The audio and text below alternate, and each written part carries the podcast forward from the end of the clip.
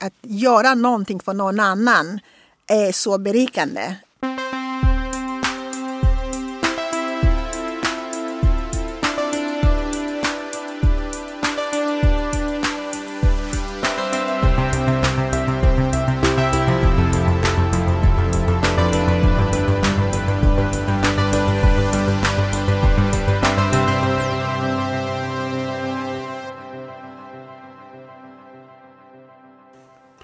Det här är Heja Framtiden. Jag heter Christian von Essen. Vi sänder från Helio GT30 i Stockholm. Och tillsammans i mitt fina lilla rum som håller på ja, isoleringen håller på att rasa in. Men eh, sitter Teresa Afonso Leimdörfer. Hej! Hej! Välkommen till podden. Tack så mycket. Du har en intressant historia tycker jag och jobbar med intressanta saker. Guldhjulet är framförallt din skapelse som är en eh, vad ska man säga, stiftelse och eh, tävling för socialt entreprenörskap. Ja, kan, man kan kalla det så. Absolut. Mm. Vi stödjer organisationer som eh, jobbar mot våld, förtryck eller diskriminering i Sverige. Det går ut på det sättet att eh, vi ber allmänheten komma in med tips om vilken organisation som de vill att eh, ska vinna priset. Mm. Och sen går vi igenom alla nominerade och sen sållar vi bort de som inte vi, vi börjar med att sålla bort de som är stora, som redan är jättekända och har jättemycket pengar. Så att vi vill komma åt de som jobbar i det fördolda, som ingen känner till, men som gör fantastiskt bra arbete genom att jobba liksom ideellt och ge allt. De, de brinner för det de gör. Mm. Så att eh, vi väljer bort, vi väljer dem, bort de som har mycket pengar. Vi, vi väljer bort de som inte jobbar riktigt med det som Guldhjulet står för. Och sen de som blir kvar. Vi brukar oftast välja fem stycken som vi träffar och intervjuar grundligt för att kunna se vad, jobbar, vad gör ni för någonting, vilka resultat får ni och vad skulle det betyda om ni fick de här pengarna.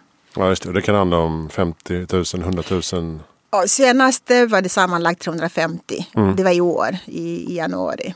Eh, första priset det var 2016, då, då började vi på 50 000. Mm. Eh, och sen har det liksom ökat gradvis. Så att vi har ett, ja, drygt en miljon hittills mm. utdelat. Men också organisationer som, där de pengarna faktiskt gör skillnad. Exakt, det exakt. ja, det, det är det som är poängen. Så det måste som vara så att om, om jag vinner 350, vad kommer det här att betyda för oss? Om det skulle vara Rädda Barnet om man får 350, herregud, det är ju liksom det är spott. De har ju så mycket pengar i alla fall så att det skulle liksom inte göra så stor skillnad. Men jobbar man ideellt i en liten organisation så varenda krona är värd jättemycket. Just det, men finns det någon Finns det någon gräns för vad de kan få göra med pengarna? Eller får den gå till att utveckla sin egen organisation också? Ja, vi, vi, vi har funderat ganska mycket på det. Ska vi ställa några krav på vad de ska använda sina pengar? Mm. Jag tycker inte att det är rätt egentligen att göra det. För att jag menar, de vet var pengarna behövs någonstans. Eh, oftast om de får pengar i sådana här eh, arvsfond eller någonting, då är de märk, öronmärkta de får göra bara det och det och det. Vi vill liksom inte begränsa på det, på det sättet. För att det finns ju saker som de egentligen skulle vilja göra men de kan inte göra det för att pengarna är öronmärkta till någonting mm. speciellt. Det känns som att många fastnar i det där pappersträsket lite grann. Precis. Det ska rapporteras och följas e upp. E exakt, exakt. Vi vill gärna veta efter eh, några månader när de har fått pengarna. Vad har ni konkret gjort med de här pengarna? Och eh, vi, vi, vi, vi, får liksom feedback på det. Mm. Eh, vi konstaterade just att du har varit med i poddar tidigare. Eh, en som heter eh, Resan hit, ja. en som heter Just Arrived ja. och nu Heja Framtiden. Precis. Det är en perfekt sammanfattning. Ja, exakt. du har ju en ganska intressant historia just från en by i Angola. Yeah. Yngst av tio syskon. Mm. Och sen kom du till Sverige som tonåring. Yeah. Vad kan man säga hur såg Sverige ut då med dina ögon? För 34 år sedan? Ja. ja. Sverige har förändrats jättemycket. Eh, om vi kan börja med att säga mina första intryck när jag kom hit. Det här med hur rent det var. Det kan man inte säga om Stockholm idag. Hur, alltså det var så friskt, det var så... Det var verkligen så att om man, när man pratade om när man gick i så här bibelskola, pratade om Edens eh, lustgård. lustgård precis. det såg faktiskt ut så. Det var, det var fantastiskt. Ja. tyst var det. Så tyst att ibland så tänkte man att man gick ut och tittade genom fönstret. Man är van i Angola liksom att man hör bra barn skrika, föräldrar som ropar efter sina barn och sånt där. Barn som leker. Det, fanns, det, det var jättetyst och um, jag liksom bara okej, okay, har det hänt någonting? Jag är dum som inte fattar att alla andra har flit eller någonting. Eh, så att det, var, det, har, det, har, det har förändrats jättemycket. Det är, liksom, det är mycket mer mångfald nu också än det var då. Det var, det var lite mer exotiskt kanske att komma ut Ja, jag tänkte det. Ja. Det var inte så mycket svarta människor nej. 34 år sedan. Nej, nej, det, det var inte det. Så det, det, har förändrats väldigt mycket. Det har det mm. verkligen. Och sen har du, eh, du har levt i olika relationer som mm. jag har förstått varit problematiska mm. på olika sätt. Mm. Och eh, du har samtidigt pluggat undersköterska, mm. jobbat som det. Och sen så hoppar vi till då punkten och du, du tar över Bilskolan, Ringens bilskola. Ja, ja, ja. Det är ganska fantastiskt. Ja, det var jättekonstigt egentligen. det, det, var, det var jättemärkligt. mitt första jobb när jag kom till Sverige då 86, det var efter tre månader typ så började jag jobba i, på, på restaurangen som heter La Bruchette. Jag vet inte om ni känner till den. Ja. På Östermalm här någonstans. Ja, som diskare. Alltså jag kunde inte ett enda ord svenska eller engelska kunde jag inte heller. Men jag var jävligt duktig på att diska. Jag var så snabb. Alla, liksom, alla älskade mig. och samtidigt som jag pluggade svenska så att jag mm. skulle kunna lära mig språket också. Men att komma från Angola där man förväntas bara göra fina jobb jag menar, man, i Angola man sopar inte golv och diskar inte. Alla jobbar på kontor, bara fina arbete. Så mm. kommer man hit och så börjar man diska. Så att när jag berättade för dem, de undrade vad jag jobbade med. Och berättade liksom att ja, jag diskar på en restaurang. Alltså, de såg det som att jag var en så lustig person som gillade att skoja. Ja. De trodde inte på mig. Nej. Så det gick inte att övertyga dem att jag faktiskt jobbade på restaurang. Och sen efter det, det var väldigt dåligt betalt. Jag visste, alltså, det var mitt första jobb någonsin, jag har aldrig jobbat någonsin. Mm. Men jag ändå insåg att det var herregud, det var lite. Man jobbade liksom från 17 till 24 och ibland var det liksom till 2 på 3 på natten för att man måste liksom plocka ihop alltihop ja. innan man går hem. Alltså, men, 3000 spänn kommer jag ihåg att jag fick. Så det här är lite för lite pengar. Så jag sökte ett annat jobb. Då blev det liksom städa.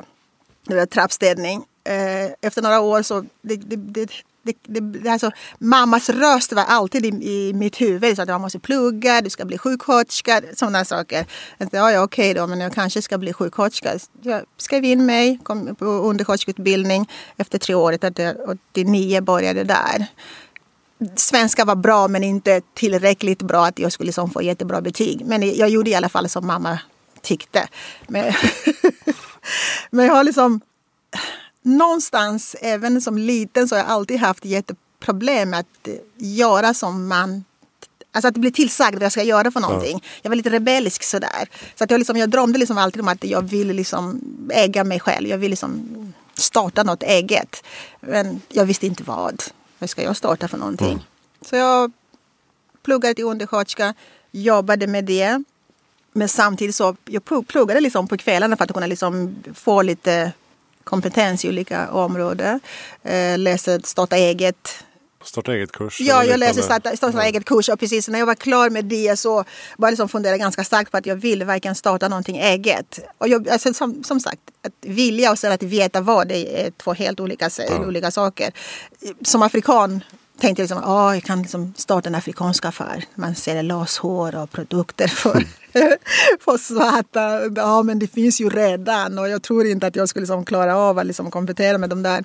Eh, och sen pratade jag med en kompis som nämnde någonting med att eh, ja, men eh, tobaksaffär är väl bra grej. Och jag är sån där, jag nappar ju alltid. Jag är sån där, du vet, det är som en sponge vad heter det nu? Svamp. Svamp. om någon säger någonting så suger jag till mig det utan att, liksom, att jag först kollar upp om det är bra eller dåligt. Alltså jag, jag, jag, jag tog det, bara letade efter en tobaksaffär. Så hittade jag en på Rådmansgatan som var till salu. Okay. Så tog jag över den eh, och han var faktiskt väldigt snäll och berättade om för mig att eh, alltså, man tjänar inte så mycket pengar. Det jag tjänar pengar på är de här eh, porrtidningar som jag säljer och filmer. oh, och han hade ingen spel, ingenting. Så, men jag som tjej ska liksom sitta här och sälja sånt där. Ah, jag tror inte det. Och det var så sunkigt. Och tänkte jag, men det här liksom, äh, om jag liksom tar över det här och fixar det, gör det snyggt och sånt där så kan det liksom, det, det här kommer att gå bra. Och jag gjorde det liksom. Jag köpte mm. den, bort med alla de här grejerna som han tjänade pengar på. In med godis och tidningar och sådana här vanliga. Tre år hade jag den där. Okay. Samtidigt som jag jobbade inom vård för att det gick inte ihop. Alltså det gick verkligen inte ihop. Det spelade liksom ingen roll. Liksom jag fick in smörgåsar och upp jättetidigt och köpte bröd själv. Bredde smörgåsarna, sålde det. Sånt där. Men det gick inte ihop. Så att mm. jag var tvungen att fortsätta jobba inom vård. Eh, men sen dök ju den här med bilskolan. Jag hade tagit mitt körkort på den skolan och så blev jag kompis med han som ägde den. Så när han liksom hörde av sig till mig och hon sa ah, jag är så trött på det. Och han visste att det gick inte så bra för mig på, med tobaksaffären. Jag är så trött på det, jag vill liksom bli av med det här och bla bla. Är du intresserad? Men herregud, jag har inte ens, jag är inte trafiklärare. Jag har alltså inga kunskaper om det. Men han liksom, ja men jag, jag, jag, jag är kvar och hjälper dig. Tänkte jag, ja visst, absolut, ge mig bara tid så jag blir av med det här tobaksaffären. Sen ja. halkade jag in där. Och på, det var så jag halkade in. Jag tror faktiskt att jag tog mitt körkort där också. Du skojar. Ja. övningskörde väldigt mycket de här extremt komplicerade eh, rondellerna vid Gullmarsplan. Ah, ah, ah, ah, så här, ah, filbyte i rondell över tre filer. Ja, ah, precis, exakt. liksom Sveriges svåraste övningskörning. Ja.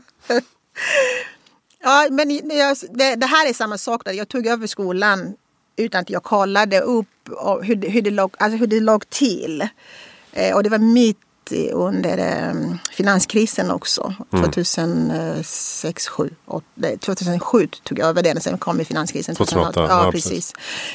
Det första, alltså, det första som jag upplevde var hur missnöjda kunderna var. Och eh, hur sunkigt det såg ut här också. Eh, och jag, Varför var de missnöjda? Jag, jag tror att eh, det, var, det var mycket Alltså när man jobbar med människor och pengar, för att körkort kostar ju jättemycket pengar. Då måste man vara mycket, mycket tydlig med att det faktiskt kostar jättemycket pengar. Och vara tydlig med att man ska liksom inte säga att oh, du behöver 30 körlektioner och sen visar det sig att man behöver 100. Det, det, blir liksom, ja, det. det skapar missnöje, men du sa. Mm. Det, är liksom, det, är jätte, det, det, är jätte, det är jättekänsligt vad man säger för någonting. Och det är också känsligt om man liksom gå ut med att billigast i stan eller att körkortsgaranti. Ja, Sådana grejer skapar väldigt mycket missnöje. Ja, det är sant. För i den åldern så har man inga pengar heller. Nej, nej. Om någon säger då så här, men jag tror att du börjar bli redo. Bara 10-20 lektioner till. Ja. Och man bara, va? Ja. 10-20 lektioner ja, till. Precis, exakt, exakt. Så det skapar ju jättemycket missnöje. Ja. Så att jag tror att man ska vara väldigt öppen och transparent. Liksom bara säga, liksom, det är det jag, det, det jag gjorde. Liksom, att jag, jag alltid meddelade att det kostar jättemycket pengar. Det finns sätt att betala så lite som möjligt genom att skaffa dig en privat handledare som samarbetar med skolan. Samarbetar man på rätt sätt då kommer du komma undan lite billigare. Har du inte det då får du räkna med att det kommer att ta tid och det kommer att kosta mycket pengar. På så sätt så när folk vet om det i förväg då förebygger man det här med, med missnöjet. Mm. Men sen var det en rolig, eller rolig, dråplig eh, händelse för att den tidigare ägaren lämnade och du blev kvar med bilskolan och du hade inte eh, ja. tillstånd att ja, överhuvudtaget köra. Precis, precis. Det, det, det, det, det, var, det var jättesjukt. För att som sagt, jag tog över det för att han lovade att vara kvar. För att mm. han var trött på det här ju. Att han, skulle ja, vara, ja, han skulle vara kvar. Men han ville slippa det juridiska ansvaret. Och jag är dum nog att tycka att jag why not, absolut.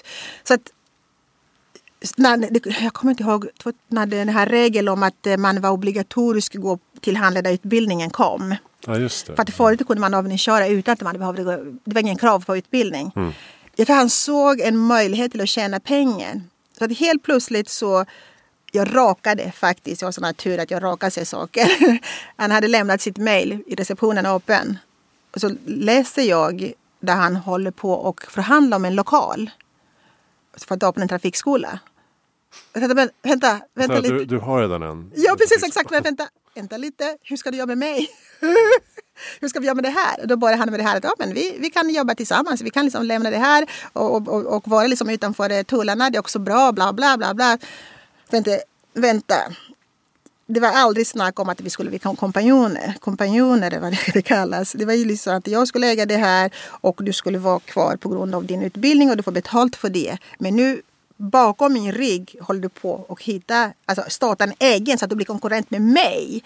Och du vill nu när jag kommer på dig att vi ska samarbeta, att jag ska liksom gå över till att så, nej, jag gör inte det. Det skapar inte förtroende. Nej, nej, varken inte. Så att eh, det jag gjorde liksom var att det, det, det, är helt okej. Okay. Eh, jag får gå utbildning så att jag skrev in mig för att kunna bli trafiklärare. Så att, men, men, men sen fick jag utbildning så att jag blev själv. Just det. Och, eh, och det var under den tiden som guldhjulet också skapades? Ja, ja guldhjulet skapades under, när, när, eh, det, tog, det tog ungefär fyra fem år att eh, tvätta bort det dåliga ryktet och faktiskt bygga om skolan så att det skulle bli någonting som jag var så stolt över. Ja. Folk liksom bara, man gick in på nätet och kollade på omdömen. Det var liksom bara oh, wow, det var liksom jättekul.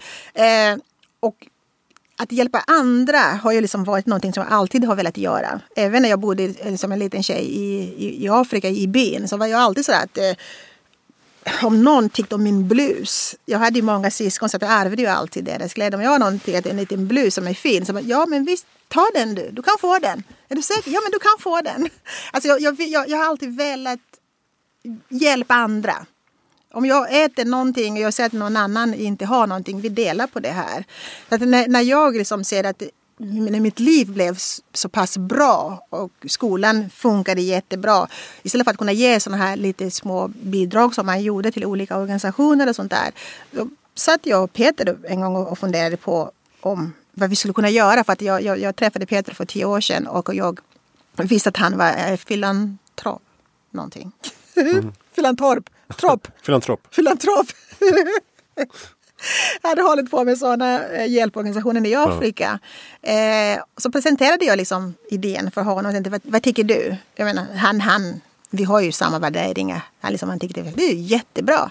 Men hur ska, vi, hur ska vi gå tillväga? Hur ska vi göra? Ska vi liksom starta någonting, jobba med det själva, hands-on eller hur, hur, ska vi, hur ska vi tänka? Sen kom vi fram till att eh, herregud, det finns ju jättemånga som jobbar redan, som har erfarenheten och som kan de här grejerna. Varför ska vi liksom konkurrera med dem? Mm. Vi kan istället hjälpa dem med ekonomi. I och med att vi vet att en ideell organisation inte har så mycket pengar. Vi kan hjälpa dem. Så att Bilskolan var den eh, största givare när, när vi startade Guldhjulet. Okej, okay, men, men det, det var inte självklart att det, att det var bilskolans eh, Nej. pris utan det var separat? Det, det, var, det, var, ja. det var separat. Det har, det, har, det har varit separat. Ja. Och, och bilskola har liksom varit en, eh, en eh, hur ska man säga, vi, vi, hade ju andra projekt som vi, vi, vi försökte liksom använda bilskolans pengar till att eh, hjälpa andra. Vi hade mm. ett projekt med ungdomarna i Flemingsberg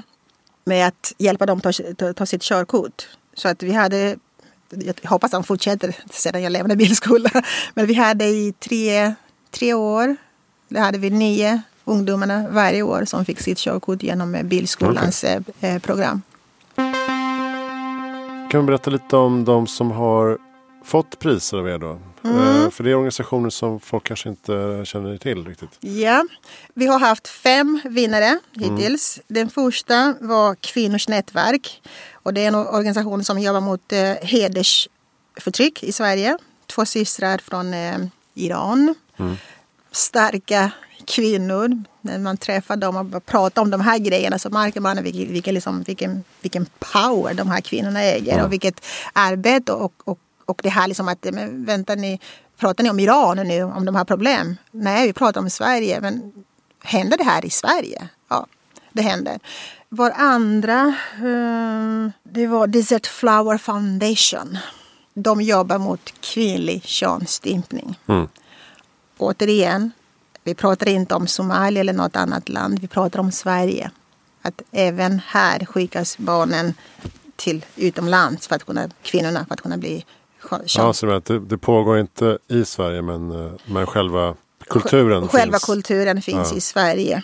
Eh, så att de är, nu, nu har inte jag siffrorna i huvudet men det är alltså tusentals unga tjejer som blir könsstympade varje okay. år. Så det är jätte, jättehemska grejer. Eh, och där lärde vi också känna en eh, gynekolog som rekonstruerar de här kvinnorna. Mm. Eh, han, var, eh, han, var, han var den enda i Skandinavien, i Skandinavien som gör det. Liksom, mm. kan liksom rekonstruera kvin, kvinnor och den här ja. eh, klitoris som de har klippt av. Eh, och vår tredje var GAPF, Glöm aldrig Pella eller Fadime. Och som du, du, som du ser, liksom, allting handlar om hedersvåld. Det är som Kvinnors nätverk, Edith Flower Foundation, GAPF. Det är, liksom, det är helt otroligt. Och det, och det, det har vi märkt. Liksom, alla nomineringar vi har fått är nästan helt uteslutande kvinnoförtryck. Mm. Förra året hade vi eh, Vid din sida, jag vet inte om du har hört talas om dem. Mm. Jeanette som eh, verkligen gör fantastiskt arbete med att eh, ge våra gamla pensionärer i Sverige som inte har något, något tak över huvudet. Eh, och senast som vi hade här nu i år, det var Möjligheternas plats som arbetar med att integrera ungdomarna i Malmvägen i Sollentuna. Mm. Eh, genom, att, eh, med, genom arbete, utbildning. Och så har de startat en, en, en gren som heter Malmvägens mammor eller kvinnor.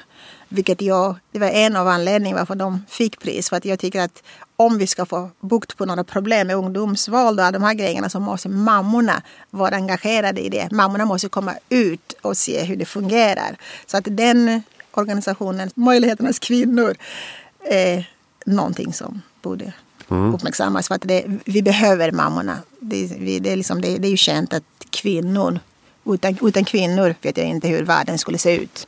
Så att, att mammorna är engagerade i det här så kommer det liksom att mm. leda till ett, ett positiv utveckling. Så det, var, det är de vi har haft i, hittills. Och nu är det öppet för nomineringar för 2021? Yes, det är öppet för nomineringar så att vem som helst kan gå in på vår hemsida på godljudets eh, hemsida.se och nominera den organisationen de vill att de ska vinna. Mm. Eh, jag vågar inte säga när vi stänger eh, nomineringarna. Men fortsätt. Kommer det in och ja. efter stängning så tar vi det till nästa gång. Just det. Och finns det något du har lärt dig under de här åren eh, när det gäller att förebygga kvinnoförtryck, hedersvåld till exempel. Hur går man tillväga på bästa sätt? Million dollar question. ja, alltså det, det, är jätte, det är en jättesvår fråga för att jag, jag tror att eh, kunskap är, ett, ett, ett, en bra sak. För att jag menar, när jag, när, när jag kom till Sverige, om jag hade liksom kommit eh, hit med en man som låtit mig vara hemma, inte ha kontakt med med kontakt ute, med att gå i skolan mm. eller jobba, lära mig språket och de här grejerna. Då hade jag nog inte klarat av de här prövningar som jag varit med om. Så att jag, jag tror på... Det, det, går, det går inte att man lever fysiskt i ett land men mentalt i ett annat. Nej. Förstår jag menar? För att, menar, om, jag, om jag lever i Sverige och kommer från Angola Självklart vill jag behålla det som är bra med min bakgrund. Men jag måste, om jag eh, umgås med andra så kommer jag kunna lättare inse vad som inte är bra i min kultur som jag är så stolt över. Mm. Men om jag aldrig får intryck utifrån då kommer inte jag att veta att min kultur kanske har någonting som inte är sådär jättebra. Det kanske tvärtom att man cementerar sin kultur ännu starkare. Starkare, precis ja. exakt. Och då, då barnen som har en förälder, föräldrar som aldrig har äh, äh, föräldrar som inte får intryck utåt, de cementerar ju sin egen ju. Ja. Det, det, blir ju så, så att vi, må, det, vi måste liksom integrera föräldrarna. Mm. Mm. Men det är svårt där, alla de här begreppen, när är man integrerad och ja, när assimilation? Man är, när, man, ja, när man är integrerad. Ja, jag, jag, jag, jag tror att eh, om man, har, om man kan svenska, har ett arbete, då är man halvvägs integrerad. Det, det, det, det, tycker jag. Sen är det jättesvårt, jag har bott här i 34 år, sen är det jättesvårt att helt och hållet integreras i det svenska samhället. Mm. Och, eh, en anledning kan det vara så att det är ganska svårt att skaffa sig svenska kompisar. För det, det, det är ju stängt. Jag mm. menar, om vi bara öppnar, om svenskarna bara öppnar upp för nya bekantskap, då tror jag att man kan underlätta det här med integrationen. För att jag, nej, jag är inte fullt integrerad trots alla mina år här.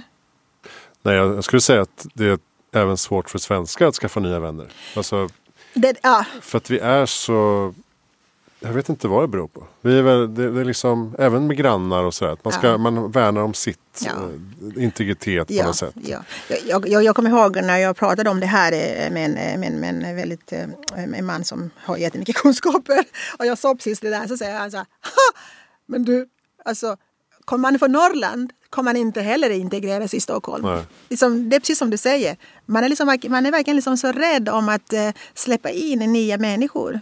Och, Mm, och det ska passa med barnen och Ja. med partnern och sådär. jag tycker det är jättekonstigt. Ja. jag, jag, jag tycker, för, för mig är det så här, om jag säger så här att eh, eh, Christian kom hem till mig på fredag, vi ska liksom ha middag. Jag förväntar mig att du ska ta med dig några. För att jag menar, det är inte så att Christian är min vän. Jag träffar bara Christian. Och så Christian träffar bara sina vänner. Alltså för mig, om du tar med dina vänner så kommer jag kunna få nya vänner genom dig. Ja, ja, visst. Men, men, men det funkar inte här. Nej, men i mitt huvud, jag skulle nog gå hem till min fru och så här.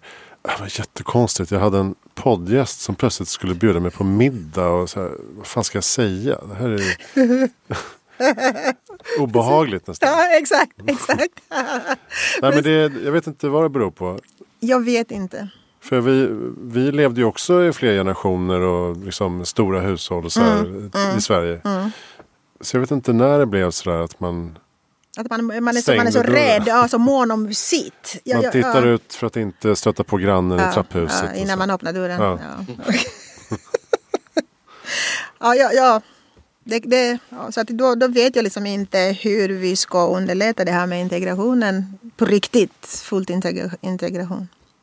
Nej, det finns en del initiativ just så här att ja, men bjud- bjuda hem eh, Mm. på middag och fika och så vidare. Men det är ju fortfarande ganska småskaligt. Ja, Liksom. ja, ja. Och det, man kan ju inte heller som myndighet kan inte trycka ut en så här Nej. nu måste ni göra så här. För det Nej, bli bara nej, nej, det, det, det, nej, det känns ju jättefel att det ska liksom... eh, Ja, nu ska, Nu liksom, ska du bjuda tre Ja, somalier på middag. Ja, precis. Exakt. Lagen säger nej. Det ska, ju, det ska vara liksom mänskligt. Ja. Det ska vara mänskligt. Så att jag tror inte att det- det hänger på någon politisk parti för att det ska, liksom, integrationen ska kunna bli någonting. Nej, det, är upp, det är upp till var och en att Ja. öppna sinnet lite grann. Ja, det tycker jag. Det tycker jag. Var nyfiken på, ny, på nya, nya människor. Mm. Man kan liksom bli faktiskt förvånad. För vi, vi, vi, man brukar liksom, man, vad säger man på svenska? Att man eh, damer boken efter Ja, man... eh, vad säger man? Judge a book by its cover. Ja, Alltså, precis. Exakt. exakt. Det var den här personen som ser lite läskig ut. Och när du väl pratar med den, den är säkert världens trevliga, trevligaste. Men man, man får aldrig en eh, chans till att komma ända dit. Mm. Och det kan liksom vara det här evolutionsgrejen när vi levde i savanna. Liksom att man skulle vara rädd för vissa saker. Men nu är vi så... det här är modernt. Det är inte så farligt längre. Så ta det lugnt. Den här människan som ser väldigt... eh, Speciellt i Stockholm som är en ganska kosmopolitisk Ja, precis. stad precis. precis. Ehm, men jag tänkte på hur mycket kontakt har du med eh, Angola idag? Då? Inte jättemycket. Eh, Nu finns ju sociala medier och sånt där. Men eh, en eh, baksidan av att komma från ett fattigt land är att de förväntar sig om den som bor i ett rikt land att försörja dem. Om du förstår vad jag menar. Okej. Så att det är jättesvårt att ha en sån här familjär eh, kontakt med dem och säga som hej hur mår du, hur går det och sådana där. Det, det finns inte. Det finns inte. Så att det, om de skulle höra av sig, vilket jag stoppat att de inte ska göra, men när de gjorde det, då var det alltid någon som var sjuk, dödlig och behövde pengar. Jaha, Så att det, okej. det, det, och det, det är så sorgligt för att när jag, när jag bad dem senast, jag skrev till dem och sa att eh, jag skulle vilja ha Alltså jag älskar verkligen min familj. Jag skulle vilja ha min familj. Jag skulle liksom vilja känna att ni vill lyssna på mina problem. Ni vill höra hur mina barn mår, hur det går för mig. Och, och, och inte liksom, jag är yngst. Alltså jag är Ja, ja, yngst. precis. Så att, nej, om det bara för pengar, vill inte att ni hör av er. Gissa om de har hört av sig. Nej. Jaha. Och det, det, det gör mig jätteledsen. Ja. Jag har ingen kontakt med dem. För de, de, de jag hade kontakt med när jag skrev det här smset har de slutat ha kontakt. För att, ja, för det hängde ju verkligen bara på att jag ska skicka pengar. Och det, det är jättetrist. Så att det, det är den baksidan med, Ja. med att komma hoppas från. att det kan ändras då framöver. Ja, det hoppas jag på. Men hur, hur ser Angola ut som, som land betraktat? Eh, hur ser utvecklingen ut där? Jag har som sagt jättelite kontakt med Angola. Och om du har följt lite nyheten om eh, det här med korruption och eh, världens, eh, världens dyraste stad i ett fattigt land. Mm. Alltså, då kan du tänka dig, liksom, okej, okay, om det var, alltså, 90, över 98 procent kan jag nästan säga att lever i absolut fattigdom. Och Luanda som är huvudstaden ska vara världens dyraste stad. Då kan du tänka att det, liksom, det är någonting som inte... Superinflation. Ja, det är någonting helt sjukt. Jag menar, mm. vilka har råd då att hålla det här trenden? Ja, det är de få som jobbar inom eh, eh, myndigheterna som har snott alla mm. de här pengarna. Och den här nya presidenten har nu försökt liksom, eh, se till att få tillbaka gamla presidentens barn som har ägt hela Angola och hela Portugal eh, håller de på nu att försöka få se om de kan lämna tillbaka. För att den kvinnan som är yngre än vad jag är har varit Afrikas rikaste kvinna. Mm. Och hon påstod att hon tjänade sina pengar genom att sälja ägg. Och jag tänkte okej, okay, mm. jag skulle jättegärna vilja ha de äggen. Jag vill också Guldägg. Guldägg. Mm. Så att eh, nej, det är ett land trist. Vackert land, jätterikt land men som eh, bara få eh, kan leva bra i det. Mm. Det känns ju som att eh, ofta när man pratar Afrika och utveckling så, här, så, så, landar man alltid i att få fler flickor att gå i skolan. Mm. Är det liksom en viktig nyckel tycker du? Eller vad, är korruption en annan sån här eh, Korruption, nyckel? Korruption, alltså att skolan är ju jättebra. Jag menar jag, jag, jag, om man ska prata om skolan. Jag, eh, min mamma har aldrig gått i skolan. Men hon mm. har alltid liksom velat, som jag sa innan, att liksom, du ska bli sjuksköterska. Du vet, sådana här saker. För att även hon som inte gått i skolan kunde säga att skolan är någonting, kunskap är någonting jätte, jätteviktigt. Absolut. Och, och eh, det, det, Angola var ju kommunistiskt ganska länge. Så att skolan var ju fritt för alla. Det var gratis. Eh, vilket det inte var innan när det var kolonisationer och sånt där. Så att kunskap och korruption, ta bort den där korrumperade människorna på, som sitter vid makten. Ja, absolut. Bort med dem. Men det kräver också kunskap underifrån för, för att, att vilja störta makten? Ja, då, exakt. Alltså, det finns ingen medelklass i Angola. Nej. Det är det som är problemet. Och varför finns det inte medelklass? För det finns liksom få som är utbildade för att kunna, kunna göra den här medelklassen som skulle, skulle vara majoriteten för att kunna mm, göra någonting. Men det finns inte. Så det, det, det är problematiskt. Okay. Och när, när, det, när det ändrar sig, jag vet inte. Vi får hoppas på den här nya presidenten. Alla de här åtgärder han håller på med, hoppas det ger resultat. Men folk, mm. folk, är, folk är trötta. Jag följer det här på sociala medier. De är trötta. De tror som alla andra att när ni regering kommer in i makten, då ska förändringen vara så här. Så nu är det lite mycket så här anarki typ. Mm. Liksom det, de har aldrig fått eh, demonstrera. Nu kan de demonstrera för allt och ingenting. det har liksom blivit liksom, ja, lite anar anarki. Mm. Men tyvärr kan det ofta bli ur askan i elden på något sätt. Ja, ja precis. Nu kommer precis. den här istället ja. som eh, ställer till det. Exakt, exakt, exakt. När inte helt 100% eh, demokratiskt. Nej, nej, nej, precis, precis. Ja, knepigt. Så man måste liksom lyfta från botten då. Ja den absolut uh, tyngsta fattigdomen exakt, måste exakt, exakt, exakt. elimineras. Ja, ja. Jag brukar fråga, vad är ditt bästa tips för att göra världen bättre i framtiden? oh, vad är bäst? Vad är det viktigaste? Åh oh, herregud. Alltså, börja med kunskapen. Ja. Det är faktiskt en väldigt bra grej. Alltså kunskapen är en jätte, jättebra grej. Och, och, döm inte boken efter ja, dess omslag. Var nyfiken på andra människor glöm det att vi bor inte längre i savannen. Vi, liksom, vi är civiliserade uh, folk. Vi behöver liksom inte vara på vår vakt hela tiden. Uh, vad skulle det vara mer? Ja, jag vet inte. Bjud hem någon på middag. Ja! Lite så. Ja, jag, jag, jag tycker det. Absolut. Var öppen. Liksom, som, som, du sa innan, det här initiativen som finns där. Bjud ut på kaffe eller uh, småskalig. Gör det lite större se till mm. att man blir är med mer öppen. Jag tycker överhuvudtaget att våga ställa frågor till människor och lyssna. Mm. Lyssna på riktigt. Det är så underskattat. Ja, ja, ja, det Folk det. pratar bara om sig själva. ja, ja, precis. Och liksom stä, ställ liksom riktiga frågor. Jag menar, det jag upplevde förut, det var liksom när man ställde frågor till mig eller till, till invandrare var det mer som, ett, som en intervju. Som så här, ja, var kommer du ifrån? Var mm. bor du? Vad jobbar du med? Det ska du inte bry dig om. Men var kommer det ifrån egentligen? Ja, ja precis exakt. bara. Eh, exakt, exakt, exakt. Så att liksom så bara, ja, jag är från Ryssland. Nej, det kan det inte vara. Varför inte? Mm. Så det blir som, man blir så trött på frågorna så man så väldigt arrogant. Så, ja, jag är från Ryssland. Aha, aha. Spännande. Ja, precis. Har du några bra lästips eller poddtips? Läs, jag ska läsa din bok. Ja, det är bra Jag tips. ska göra det. Jag läste nyligen eh, Nelson Mandelas bok. Jag tyckte den var jättebra. Han, alltså jag har alltid älskat honom för att han är så förlåtande. Ja, Och det, och, det, och det vi faktiskt, alla människorna borde vara. Förlåtande, ta eget ansvar och inte lägga allt fel på någon annan. Liksom det är de som gjorde fel. Jag är helt oskyldig.